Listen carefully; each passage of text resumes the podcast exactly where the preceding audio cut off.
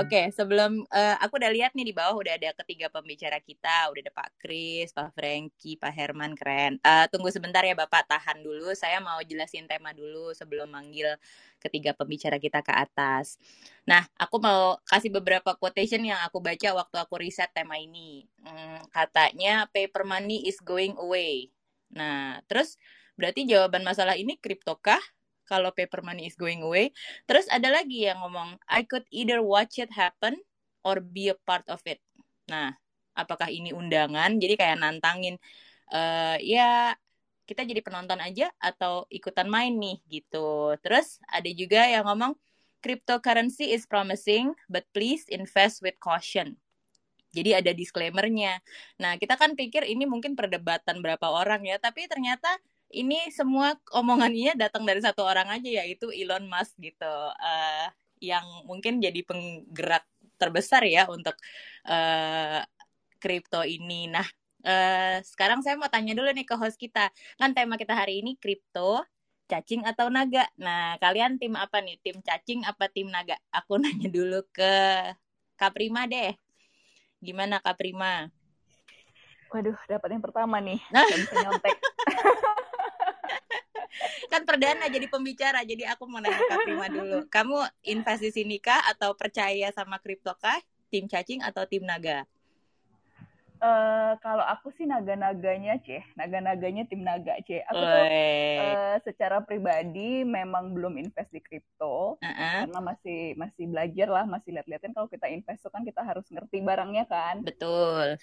Nah tapi kalau misalnya aku lihat nih, misalnya tren di di market atau uh mhm. -huh. juga dari obrolan-obrolan uh, teman-teman, gak cuma orang-orang market itu kripto memang kayaknya lagi uh, hype banget. Uh -huh. Dan kalau kita lihat misalnya market cap Eh, kripto uh, mata uang kripto yang besar-besar, aset kripto yang besar-besar kayak Bitcoin, mhm. Ethereum mm -hmm. itu memang kan naik terus mm -hmm. walaupun bumpy tapi kalau secara historical masih uh, naik terus dan kalau aku tuh lebih melihat ke sistem di belakang aset kripto ini yaitu blockchain gitu. Kalau yeah, blockchain yeah, ini yeah. sistem ini yang menurut aku tuh bisa bikin uh, apa ya kayak proses sistem keuangan atau apa pun itu mm -hmm. itu bisa lebih efisien lagi gitu dan lebih ya Iya, ya, ya. bisa Keren. lebih efisien dan efektif lagi jadi gitu. Oke. Okay. Jadi uh, tim naga ya nih ya. Iya, it will be the future. Oke, okay, berarti nggak boleh lama-lama belajarnya, harus mulai nyemplung. betul, betul, betul. Harus ngebut nih abis ini nih. Makanya belajar di uh, investor di SB dulu ya. Oke, okay. Kak Irwin gimana Kak Irwin? Um, aku pikirnya harusnya ini ya tim naga dong. Ini udah bukan bulber lagi ya, naga cacing. uh, I think ada value-nya sih Uh-uh. Aku, aku personally aku nggak punya, tapi uh-uh. I think ada value-nya. Nggak tahu di okay. berapa sih. Jadi sekarang dalam proses menjadi naga, jadi kita lihat dulu ya. Iya. Apa udah jadi naga? belum dong, belum punya. uh, Kak Menda gimana Kak Menda? Aku tim di antaranya deh, tim anak tim itu ya cacing uget anak tim anaconda Gak boleh anaconda. anaconda. Langsung mau nyanyi Nicki Minaj nih. Aduh kalau kak bias gimana? Iya uh, kalau saya secara relatif mm-hmm. mungkin cacing ya. Uh-uh. kalau dibandingin sama aset kelas yang lain karena ada banyak banget aset kelas yang kemarin agak-agak underperform ketika uh, COVID. Sekarang mm -hmm. saatnya revenge sih kelihatannya. Oh, Sementara okay, okay. udah pada naik. Jadi Oke. Okay. Baiklah, thank you, Pak. Cacing deh biar rada adil. iya, nggak boleh naga semua. Gimana sih? Kalau Pak Wudi gimana Pak Wudi? Oke. Okay. Uh, eh, kalau blockchain sih saya naga, tapi karena ini bukan Squid Game dan nggak ada konsekuensinya, So I will play devil's advocate dan uh, malam ini saya main tim cacing. Oke, nah aku sabar kalau nanti pertanyaan lebih kritis karena kan uh, pasti seru biar perdebatan lebih kaya ya Pak ya. Thank you yeah, semua. nah, Uh, ketiga pembicara kita kali ini tuh adalah tiga pemikir brilian yang kerja di dunia pasar modal. Ketiganya tuh punya gelar bergengsi CFA. Nah, jadi uh, yang jadi pertanyaan aku tuh ketiganya tuh udah pasti sibuk gitu. Tapi di tengah kesibukannya mereka uh, masih memutuskan untuk mendirikan Mark Insight Coin, sebuah wadah edukasi kripto yang dibentuk dengan visi memberdayakan dan demokratisasi pengetahuan kripto untuk Indonesia yang lebih baik gitu. Ini summary yang aku dapat dari websitenya. Inilah kenapa kami tuh terinspirasi untuk pakai poster dari Drakor Startup. Nah, karena ketiga opa ini mengingatkan saya sama trio Samsantech nih. Ketiganya adalah Pak Herwan Kuswanto, CFA, Pak Frankie Rifan, CFA, dan Pak Chris. Saya Bapak kalau diundang diterima ya. Ah ya ya, lihat nih. nggak diterima. Sedih langsung saya. Oh, udah datang. Hai Pak Herman, Pak Kris, Pak Frankie. Halo, Halo. Halo. Halo. Salam teman-teman semua. Halo, halo. Malam, Malam, Pak Thank you, thank you. Lama-lama kayaknya kita makin ke sini pembicaranya ngundangnya yang rame-ramean terus ya nih. iya. Nah, apa namanya selamat datang Bapak di Room Investor Saham Bahagia nih untuk uh, Opa Herman, Opa Frankie dan Opa Chris. saya sebelumnya saya sebelum saya kasih kesempatan untuk para host untuk bertanya, uh, saya boleh nggak sih minta sedikit perkenalan diri dulu? Uh, maksudnya boleh cerita perjalanan karirnya gimana, berapa lama udah kerja di industri pasar modal, sama sekarang posisinya apa? Uh, dan aku sih pengennya diceritain juga sedikit gimana caranya dari dunia saham ke dunia kripto dan mulai Nah, uh, mulai dari mana? Herman.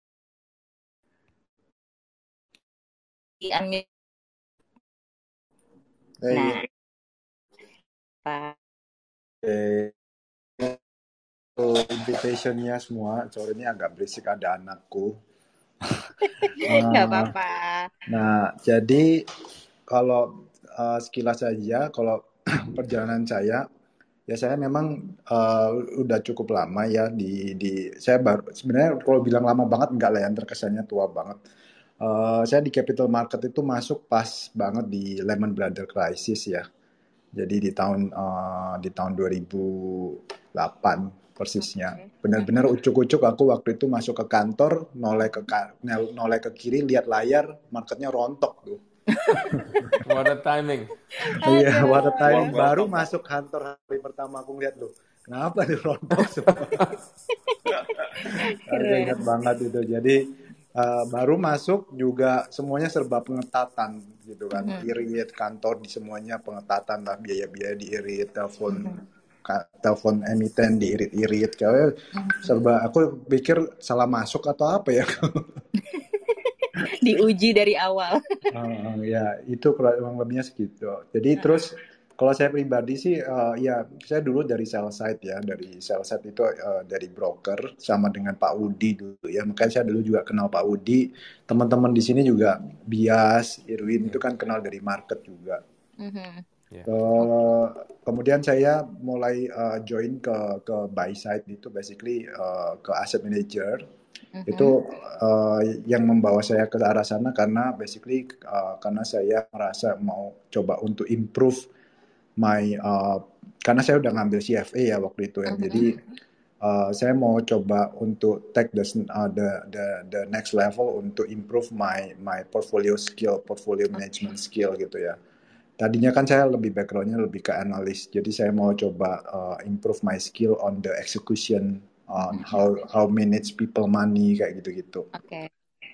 Nah terus saya yang bikin saya uh, terjun di uh, itu sebenarnya di tahun 2017 sih, eh, 2000 eh, sorry 2018, 2017 mm -hmm. itu saya uh, masih begitu masih agak skeptis memang mm -hmm. dan belum belum gitu paham. Tapi di 2018 saya iseng uh, saya coba baca-baca kok kayak menarik ya. Tapi pertama kali sih saya menemukan buku uh, waktu itu judulnya uh, The End of Money gitu ya.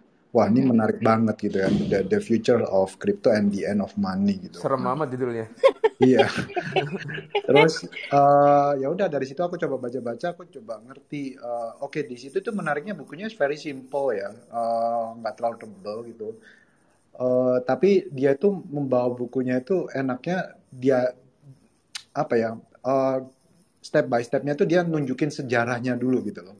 Mm-hmm.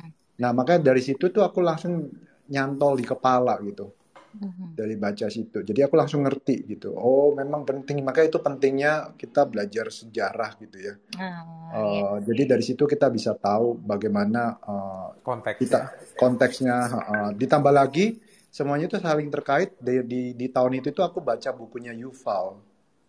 Oh, teman-teman tahu uh, uh, bukunya Yuval yang Homo sapiens dan uh, 21st century itu semuanya ada saling sangkut pautnya kalau aku lihat ya. Yeah. Dan akhirnya ya memang itu ada pro dan cons gitu ya. Karena ada orang yang mungkin merasa Yuval itu mungkin agak uh, apalah ya kita di luar konteks agak kafir atau apa. Tapi itu bukan that's not the point gitu ya. The mm-hmm. point yang dia coba ajarin itu ternyata akhirnya uh, saya orangnya coba untuk open mind aja. Ternyata memang setelah saya pelajarin dan kalau teman-teman mau membuka ke, uh, open mind gitu ya kalian kalian bisa lebih enak gitu daripada kalian gampang terpengaruh omongan orang gitu ya. Mm-hmm. Jadi just have your own time gitu untuk thinking gitu ya. Mm-hmm. Akhirnya saya mendapatkan kesimpulan bahwa oh ternyata emang benar sih saya di kubu yang percaya bahwa manusia itu berevolusi tapi dalam konteks bukan berarti saya masih belum tahu ya apakah dulu memang manusia itu bermula dari monyet itu ya. Saya nggak sampai jauh-jauh ke sana. saya nggak jauh-jauh sana. Cuma evolusi yang saya tangkap itu saya cukup ngambil contoh yang simple pada waktu itu gini ya. Kalian kebayang nggak ya kalau pada waktu zaman leluhur kita, opa oma kita gitu ya, kalian bawa komputer atau pedangnya uh, uh, apa pedangnya mainannya anak-anak deh, pedangnya Star Wars. Star Wars gitu ya. Kalian udah dipikir dewa loh pada waktu itu. Iya, iya. Kalian bayanginnya kayak gitu aja simple. Nah dari, dari situ kan udah kelihatan orang itu dulu juga mengatakan bahwa kalau ada petir itu dewa marah gitu kan, nggak ada scientific ininya. Ya itu menunjukkan bagaimana manusia itu berevolusi. Betul. Kayak nah, dari situlah, dulu, Pak. Ha, aku percaya, oh berarti duit itu pun uang itu pun bisa berevolusi ya ya ya gitu kayak zaman dulu pak aku kalau nonton Doraemon tuh kalau dia kembali ke masa lalu pasti langsung dianggap dewa iya simpel kok keren keren Pak Herman oke okay, thank you sekarang aku tanya Pak Kris gimana Pak Kris oh iya oke okay. malam Ori malam Pak Budi malam, malam semua malam Kris iya Uh, mungkin kalau background karir saya nggak sesenior Pak Herman. Pak Herman kan waktu zaman Lehman Brother. Waktu itu saya yeah. masih kuliah. Jadi oh, saya masih okay. muda nih. Ini mau sosok menanding menimbalkan Pak Herman ya sebagai ketua ya. Iya. Nah, saya uh, berapa, Pak? Pertama sih saya kerja di real sector, jadi di perusahaan uh, perkebunan sawit yang cukup besar. Lalu uh, pertama kali masuk ke market itu waktu saya lulus CFA level 1 itu tahun 2014. Oh, Oke. Okay. Jadi kurang lebih tujuh tahun lalu. Habis itu oh, saya spend banyak waktu di uh, beberapa broker, baik yang lokal maupun foreign. Uh, lalu tiga tahun uh -huh. terakhir saya join di uh, project nikel yang di daerah Sulawesi, Morowali. Oke. Okay. Nah, baru setelah itu saya bergabung di Shinhan Asset Management itu baru sekitar empat bulan lalu. Jadi ini uh, baru merasakan jadi baset uh, masih baru kurang dari satu tahun. Oh ya ya ya. Gimana Pak so far? So far oke. Okay. Seperti tadi kata Pak Bias juga gitu kan, minggu ini yang beli saham uh, pertambangan pasti happy semua. Jadi saya termasuk yang happy. Iya. Yeah. mantap. Berarti Bapak bro. lebih ber, berarti Bapak lebih lama kripto duluan apa di, masuk ke dunia pasar modalnya duluan? Oh pasti pasar modal ya. Pasar modal kan dari tahun uh, eh, 2014 sementara kalau kripto itu sebetulnya hmm. saya baru kenal tahun lalu. Jadi ceritanya ada teman kantor lama saya yang uh, dia resign dan dia pindahnya ke crypto exchange. Jadi untuk support dia, saya uh, deposit dong di kantornya dia. Okay. Lalu saya coba iseng beli Bitcoin. Nah, hmm. Uh, untungnya timing saya beli itu pas banget. Jadi saya ingat waktu itu masih bulan September tahun 2020, baru uh, persis uh, bulan saya beli ada news kalau Paul mau Bitcoin kan. Mm -hmm. Itu Bitcoin saya sekitar persen. Saya wah, kayaknya saya coba untuk duit yang lebih besar lagi. dan uh, waktu itu akhir tahun itu sudah eh satu bulan aja ke depan itu sudah naik sekitar 50 persen. Nah, wow. sejak saat uh, sejak saat itu saya jadi tertarik nih dengan Bitcoin. Terus saya coba baca, saya coba pelajari, terutama karena sudah COVID itu kan kita susah ya mau ke mana-mana. Jadi yeah. uh, waktu saya di rumah itu kebanyakan saya spend buat baca apa pun tentang blockchain, tentang okay. uh, Bitcoin, dan saya nggak ada yang ngajarin sih. Jadi waktu itu total uh, saya otodidak aja baca semua okay. sumber dari internet, Reddit, apa pun yang bisa saya baca. Keren, keren Bapak. Aduh, oke. Okay.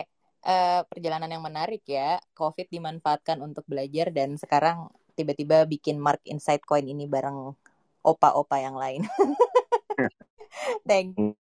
Sekarang saya mau terakhir milih Franky soalnya NFT. Oh iya. Sorry. So, blok. Gimana yeah. Pak? Thank you, Ri.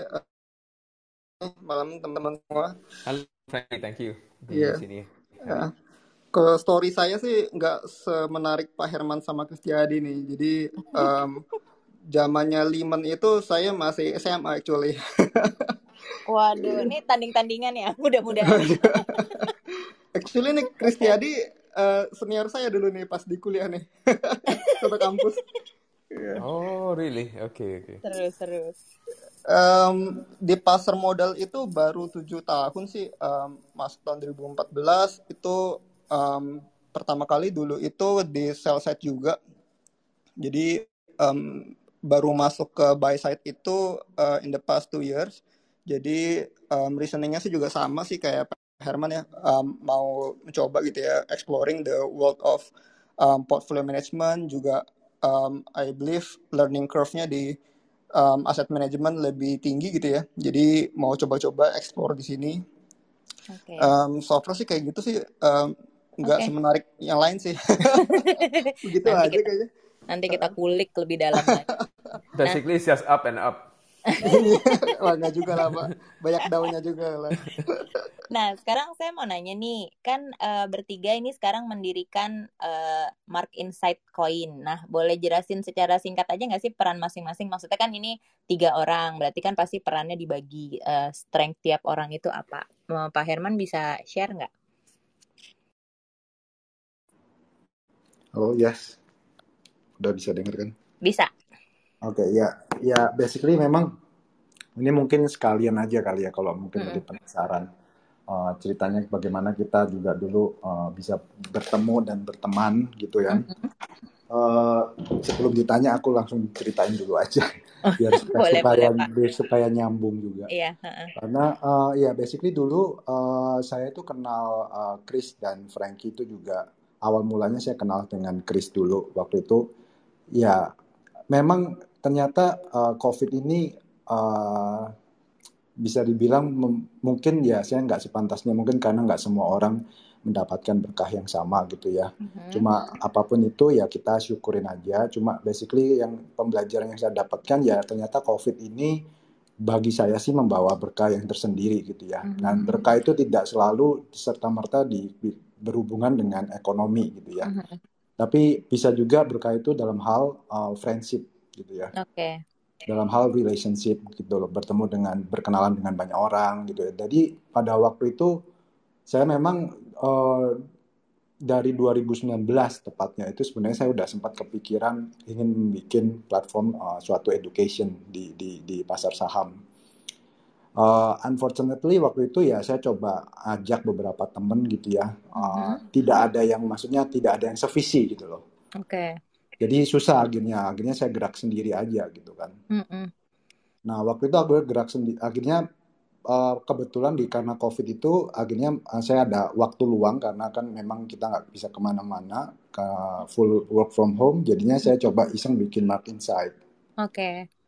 Nah, di Mark Insight itu juga karena uh, saya kerja di Global House gitu ya. Jadi mm -hmm. ternyata ada ya maaf kalau misalnya teman-teman mungkin ada ekspektasinya harapan saya bisa siap tentang saham tapi karena saya have to dan saya juga ada CFP and I have to follow the the strict yeah, rule yeah, gitu yeah, ya yeah. sometimes. Tenang, Pak. Tapi, room, room kita jadi, aman. jadi akhirnya ya udah saya bercoba ber wah itu mikirnya agak lumayan susah gitu. Karena sebenarnya orang itu saya tahu orang lebih suka di tahun 2020 itu ngomongin saham yang spesifik. Apalagi kalau orang di Indo saya lihat marketnya itu saya berusaha untuk ngajar untuk lebih dewasa. Tapi marketnya tuh maunya pokoknya langsung sahamnya apa pak? Sahamnya apa gitu kan. Oke okay, oke okay, nah, oke. itu itu yang susah memang. Itu tantangan tersendiri. Ya, tapi ya udah itu mengajar saya untuk coba berkreativitas bagaimana saya bisa mengajarkan sesuatu yang lebih sifatnya uh, uh, lama gitu ya. Maksudnya biar kalian tidak di, di, disuapin doang, tapi kalian juga bisa ikut belajar pikir, sendiri, gitu belajar ya. sendiri. Ya, ya, ya. Ya, tapi saya tahu konsekuensinya nggak akan bisa besar marketnya karena market besarnya itu adalah market yang di bawah yang maunya dapatnya ide saham langsung gitu kan. Betul betul. Tapi ya nggak apa-apa, that's not my point. Gitu. Nah hmm. di situlah saya kenal dengan Chris.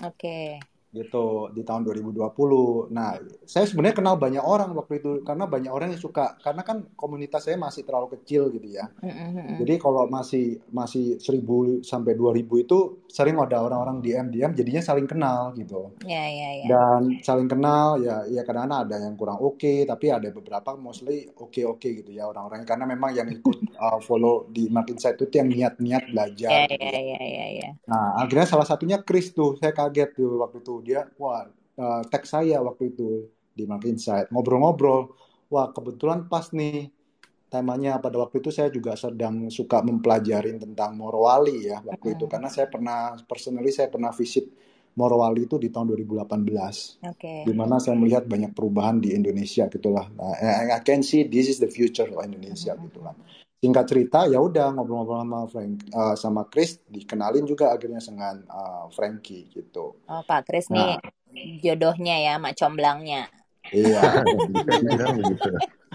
comblangnya. Nah untuk peranannya di Martin Side Coin, basically, uh -huh. nah di tahun 2021 akhirnya saya coba uh, berpikir oh bagaimana kalau coba bikin uh, karena kripto mulai start booming ya kita bikin uh, channel yang khusus kripto gitu. Oke. Okay uh, specifically. Jadinya saya coba rebrand sekalian pada waktu itu saya iseng saya coba untuk belajar otodidak bagaimana bikin website yang simple, oh, yeah, bagaimana yeah. bikin konten kayak gitu-gitu loh. Dan yeah, saya lumayan lumayan suka enjoy gitu. Akhirnya saya coba ajak mereka. Eh uh-huh. kebetulan kalian eh, kan kita sering ngobrol-ngobrol tentang kripto dulu. Ya yeah, ya yeah, yeah. Kita uh, ya enak lah ada teman-teman ngobrol gitu kan jadi uh, saling mengerti jadi learning curve kita juga bisa dipercepat Okay. Ya udah, akhirnya mereka kita bagi tugas aja. Kadang saya bagian, saya bantuin bagian pom pom gitu kan, ya, cerita-cerita tentang pom -pom lebih ke ya. konten. Ya. Uh, terus uh, banyak insight saya bisa dapatkan. Jadi kalau saya boleh ini ya, mungkin nanti uh -huh. si Chris biasa sama Chris sama Frank gitu ya. Uh, kalau saya itu orangnya lebih ke ke top down makro gitu ya orang yang suka ngeliatnya dari sisi situ. Okay. Uh, kalau si uh, si Chris itu orangnya specialized di yield, yield farming. Oke. Okay. Uh, kalau kalau si Frankie itu memang uh, dari kita bertiga, memang Frankie itu yang udah lebih pengalaman, lebih early adapter di di adoption di di di crypto, dia lebih hmm. di tahun 2017. Okay. Jadi uh, Frankie lebih uh, punya pengalaman di IDO, ICO seperti itu. Oke okay, oke. Okay. Wah gitu. berarti ini tim-tim yang nyobain semua kripto berarti Pak Frankie. Tadi aku sekalian mau nanya sih Pak. Jadi uh, tunggu, uh, kita mau ngomong nih soal itu nyambung ke pertanyaan saya selanjutnya. Uh, aku mau nanya tadinya soal the mother of all crypto, Bitcoin gitu. Aku tuh mau nanya tadi kan Bapak bilang 2020 tuh jadi momen yang cukup menentukan ya buat Bapak gitu.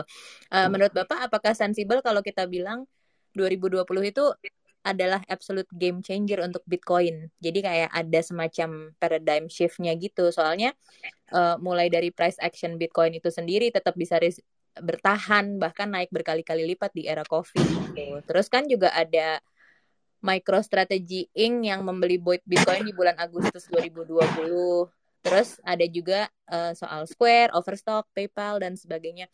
Nah, yeah. menurut Bapak apakah 2020 itu game changer juga bagi trio Samsung Indonesia kita ini? Pengalaman Bapak gimana?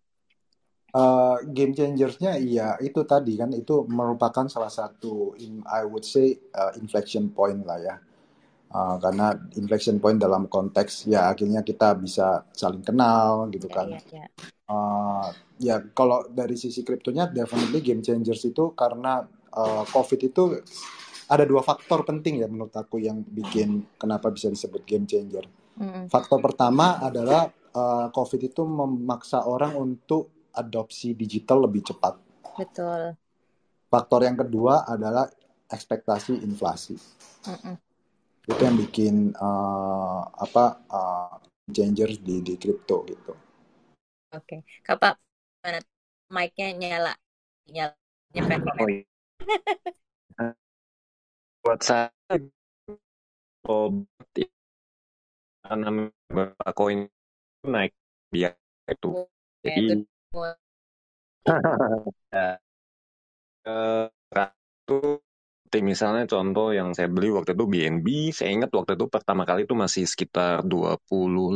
Jadi waktu itu harganya ranging di 25 dolar sampai 30 dolar. Saya beli average waktu itu mungkin sekitar 25. Tapi waktu akhir okay. tahun sampai sekitar mungkin Januari sampai Februari itu harganya naik bisa sampai ke 300-400 dolar. Jadi uh, hit hampir 20 kali dan uh, itu benar-benar rasanya exciting sekali karena kalau kita yang main di saham pasti dalam hitungan bulan seperti itu uh, jarang ya ada saham yang betul, double. Betul. Nah ini bisa sampai 20 kali waktu itu. Ya, ya, Makanya ya. waktu dekatnya exciting karena kita lihat ya teman-teman kita yang mulai main kata uh, waktu di bulan 20 banyak kali di waktu harganya tuh sedang lagi to the moon luar biasa seperti itu. Iya, iya, iya. Aduh, kayaknya uh, bulan madu banget ya dibawa ke bulan. Oke, okay, sebelum aku nanya-nanya lebih lanjut lagi, tadi kan Pak Herman udah cerita sedikit tentang market side coinnya. Aku mau kasih giliran nih buat Pak Bias deh, gitu. Soalnya kayaknya Pak Bias yang paling familiar sama market side coin juga kan. Monggo Pak. Yes, terima kasih Kakak Wari. Iya. Wah, asik banget nih. Udah dapat giliran pertama nih. uh, thank you ya, Bro Herman, Chris, sama Frankie untuk ya, udah hadir di sini. Kita kita khususnya gua ya sangat ini ya inspired banget dengan kalian uh, masih nyediain waktu buat bikin Mark Inside Coin sih untuk mengedukasi. Jadi mungkin kalau boleh sebelum kita ngebahas-bahas tentang kripto, pengen tahu sedikit latar belakangnya sih sebenarnya. Mungkin tadi uh, Bro Herman udah ngasih tahu sedikit di awal, tapi kalau boleh dijelasin, sebenarnya kalian mau ngapain sih dengan bikin Mark Inside Coin ini? Uh, misinya apa? Goalsnya apa sebenarnya? Kalau boleh dijelasin, guys. Dari siapa dulu nih? Boleh Pak. Boleh, silakan. Herman dulu boleh. Pak Herman mesti ini mestinya nih. Iya. oh iya. Ya apa ya? Saya nggak tahu sih. Mungkin uh, setiap orang mungkin beda-beda gitu ya. Hmm. Kalau hmm. kalau hmm. saya itu memang merasa uh, menganggap hal seperti ini tuh sebagai uh, apa ya? Uh, self fulfilling gitu ya ibaratnya jadi uh, mungkin setiap orang fasenya beda-beda, tapi mungkin ada orang yang mungkin uh, nganggap kadang ya nggak semua orang makanya dulu itu saya bilang kan tadi di awal nggak semua orang itu mempunyai visi yang sama gitu ya. Nah saya itu pernah coba ya latar belakang saya saya saya dulu juga pernah up and down lah ya financially dalam hal keluarga gitu ya. Dan saya coba merasa bahwa saya orangnya suka suka apa ya kalau baca, baca sesuatu baca buku itu akhirnya saya coba selalu sukanya merenungkan diri terus gitu. Itu itu tipe saya. Nah dari situ saya akhirnya belajar satu hal sih bahwa ternyata kesimpulan yang saya dapatkan pada waktu itu setelah kalian gain something itu selalu aku merasa ada something yang missing gitu. Nggak tahu ya kalau teman-teman mungkin fasenya beda-beda gitu ya. Dan saya dari situ akhirnya menemukan suatu jawaban. Sebenarnya dulu aku itu orangnya mungkin agak terlalu apa ya, terlalu serius gitu kali ya. Uh, karena saya tuh dulu sempat mikir kita itu hidup buat apa sih sebenarnya gitu loh. Saya sempat pernah mikir kayak gitu. Kita itu di dunia hidup itu buat apa sebenarnya gitu. Nah, karena saya orangnya curiosity-nya tinggi, jadi saya sempat mikir itu terus bertahun-tahun akhirnya saya dapat suatu kesimpulan jawabannya gitu ya. Mungkin buat teman-teman yang uh, memiliki fase yang sama, mungkin semoga bisa membantu ya. Jadi akhirnya kesimpulan yang saya dapatkan itu satu memang yaitu adalah bagaimana berapapun level kita itu kita itu memang tidak akan pernah bisa puas dan kita tidak akan pernah merasa cukup gitu ya. Karena kadang-kadang kalau saya misalnya invite beberapa teman gitu ya, dia kadang wah saya belum belum saya belum expert bro, saya belum belum expert gak bisa deh, nggak mau deh gitu ya. Ya ada banyak alasan gitu di balik semua itu. Ada yang mungkin mereka uh, rahasia mereka karena orang dulu itu uh, sifatnya cenderung uh, apa ya kiasu ya zaman dulu itu ya banyak orang kiasu yep. ilmu ilmu dikekepin sendiri gitu ya uh, ya akhirnya saya akhirnya dari situ jengkel juga sering mendengar orang itu komplain ngomel masalah Indonesia ini kenapa orangnya nggak pinter-pinter gitu loh. Nah terus saya saya balik ke ada beberapa kenapa kalian nggak kontribusi gitu kan. Nah itu yang ya bikin makin saya ya simply karena ya apa yang share ke teman-teman uh, supaya uh, karena gini intinya kalau semua orang Indonesia itu juga makin maju, kita financially juga akan improve gitu loh. Jangan berpikiran bahwa kalau orang lain maju, maka kita nggak akan maju. Menurut saya itu pemikiran yang salah. Karena banyak orang orang berpikir, saya aja yang maunya maju, kalian nggak boleh kaya, kalian harus miskin, gua aja yang kaya. Nah itu menurut aku sih pemikiran nggak benar. Gitu. Iya man, setuju man. Uh, ingat banget dulu kita awal-awal masuk market tuh emang kayaknya susah banget mau belajar sama cari mentor ya. Kayak semuanya ya. ngekap-ngekapin ilmunya ya. Tapi ya ngekapin ilmu. Kalau zaman dulu kita kan makanya kalau dulu saya yeah, sama Bias kan satu angkatan ya dulu ya. Uh, kita belajarnya serba autodidak kalau zaman dulu ya. Betul. Uh -uh. Setuju sih. Biar nggak keulang masa-masa pahit kayak dulu itu ya man ya. Kitanya harus berbagi sekarang. Enggak, karena karena kan kita kan orang-orang market gitu ya. Terus yeah. ya saya sering lah mendengarkan banyak feedback. Wah, oh, Indonesia tuh banyak skeptik skeptisisme tentang Indonesia itu banyak sekali. Saya ngerti. Gini, gini. Kemudian ya mungkin ditolong juga karena our new president gitu ya.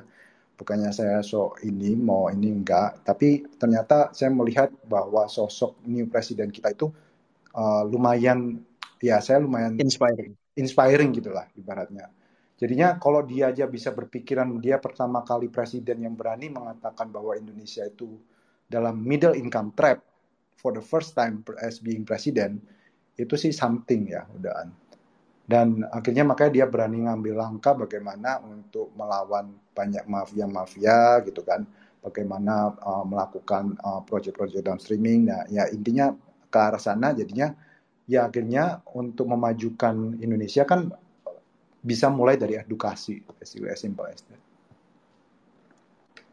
Yep, yep. Thank you loh man. Sama-sama. Very clear dan inspiring banget. Mungkin dari Bro Chris sama Frankie mungkin ada yang mau ditambahin misalnya tujuan utama atau missionnya bikin wadah bertiga Samsan kripto ini. Mungkin ini baru tambahan satu lagi aja karena kalau kita sharing dan kita ngundang teman-teman kita yang lain yang juga punya pengalaman kripto untuk sharing di platform kita, kita sebenarnya juga belajar something new. Yeah. Nah kalau buat gue personally waktu itu Pak yeah. Herman sempat ngundang ada teman kita juga yang uh, dia itu uh, pengalaman Uh, dia gamer dan dia main di X Infinity dan waktu dia sharing tentang pengalaman dia main di situ, gimana dengan cara main game di blockchain ini bisa menggantikan income keluarganya yang uh, sedang tokonya tuh sedang sulit tutup karena masalah pandemi. Dan ternyata income-nya bisa di replace dari bermain game di blockchain. Uh, itu buat gue personal itu gue belajar uh, sesuatu yang ini banget yang berguna banget. Bahwa ternyata kalau kita lihat teknologi ini itu bisa membantu banyak orang di Filipina dan juga di Indonesia untuk bertahan hidup selama pandemi gitu. Nah, hal-hal seperti ini yang kadang uh, banyak orang yang belum tahu karena rata-rata kalau orang dengar blockchain itu biasanya identik dengan Bitcoin, dengan spekulasi. Padahal enggak juga. Nah, teknologi ini nanti akan membuka banyak lapangan pekerjaan baru, banyak peluang-peluang untuk menghasilkan uh, revenue uh, dari digital yang belum pernah sebelumnya karena ini memang sebuah uh, perkembangan teknologi. Ya, ya. Itu. Jadi kita bisa belajar banyak sih dengan platform uh, ini sambil berbagi. Benar. I think is a very proper and respectful uh, mission. Oh, kalau boleh lanjut, kita masuk ke pertanyaan yang memperlihatkan betapa cacingnya saya untuk kripto. Pak, lanjut Pak. Oke, okay, sebagai cacing ya, pun ya. juga bisa berevolusi kok. Yes, siap kurang. siap komandan. Nah, ini ini ini pertanyaan ter, terbesar gua sih tentang kripto. Jadi kan kalian ya kalau dibilang aset kelas berarti harus ada sesuatu yang menjadi dasar valuasi as an asset class gitu ya. Um, ya, ya gue sebagai analis uh, tentu salah satu cara valuasinya adalah secara fundamental. Terus kalau boleh sin apakah kalian sama atau mungkin beda-beda satu-satu tentang pendekatan fundamental buat memvaluasi this new asset class crypto ini gimana, guys? Mau Pak Herman dulu. Ntar gue terlalu mendominasi nih, gak enak. Oke. Okay. Oke, ini Frankie paling dulu, coba gue tas. Frankie ya. aja dulu. Uh, yep. Jadi ini uh, menarik nih Bro Bias nih. Uh, actually uh, how you value crypto gitu ya. Itu agak mirip dengan how you value stocks. Especially setelah uh, the, emer the emerging asset of decentralized finance. Jadi um, mungkin teman-teman kan sempat dengar gitu ya DeFi gitu ya. Nah DeFi itu pada dasarnya adalah um, decentralized finance itu um, pertama kali nongol tahun 2018-an dan sekarang itu udah um, quite dominating the uh, crypto asset spaces. Bahkan um, ini um, mulai banyak yang mengambil juga untuk market share-nya traditional finance. Jadi uh, DeFi itu pada dasarnya dia persis banget sih dengan um, traditional finance gitu ya. Kita bisa borrowing, bisa lending, kita bisa uh, insurance, uh, long, short segala macam using that kind of platform. Nah ini menarik um, platform DeFi ini biasa dia ada token gitu ya. Contohnya sambil contoh misalnya Uniswap gitu ya. Itu ibaratnya dia kayak exchange lah. Kayak exchange cuma uh, decentralized.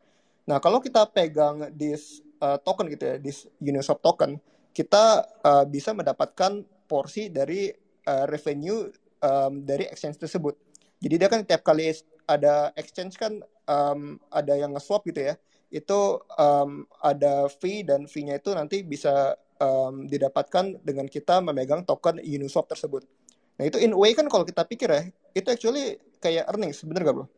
Jadi um, yeah. ibarat perusahaan kita dapat labanya gitu ya. Kan itu um, bahkan bukan sales gitu ya, bukan revenue itu earnings itu uh, very net profit gitu. Karena kita langsung dapat bahkan nggak kena tax lagi. Jadi itu yang kita langsung dapat gitu dari memegang token tersebut.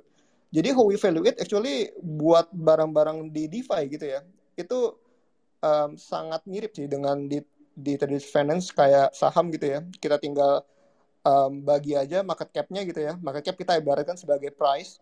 Kita um, bagi aja dengan denominatornya um, seperti um, annual um, revenue-nya atau annual uh, burn-nya. Jadi burn itu dia kayak buyback um, untuk uh, tokennya dia juga. Nah itu bisa diibaratkan sebagai earnings gitu. Nah itu sih bro, jadi kita bisa ngitung PI-nya yeah. juga, bisa hitung um, price to sales, hitung price to book-nya, um, in a way bisa menggunakan kacamata seperti itu.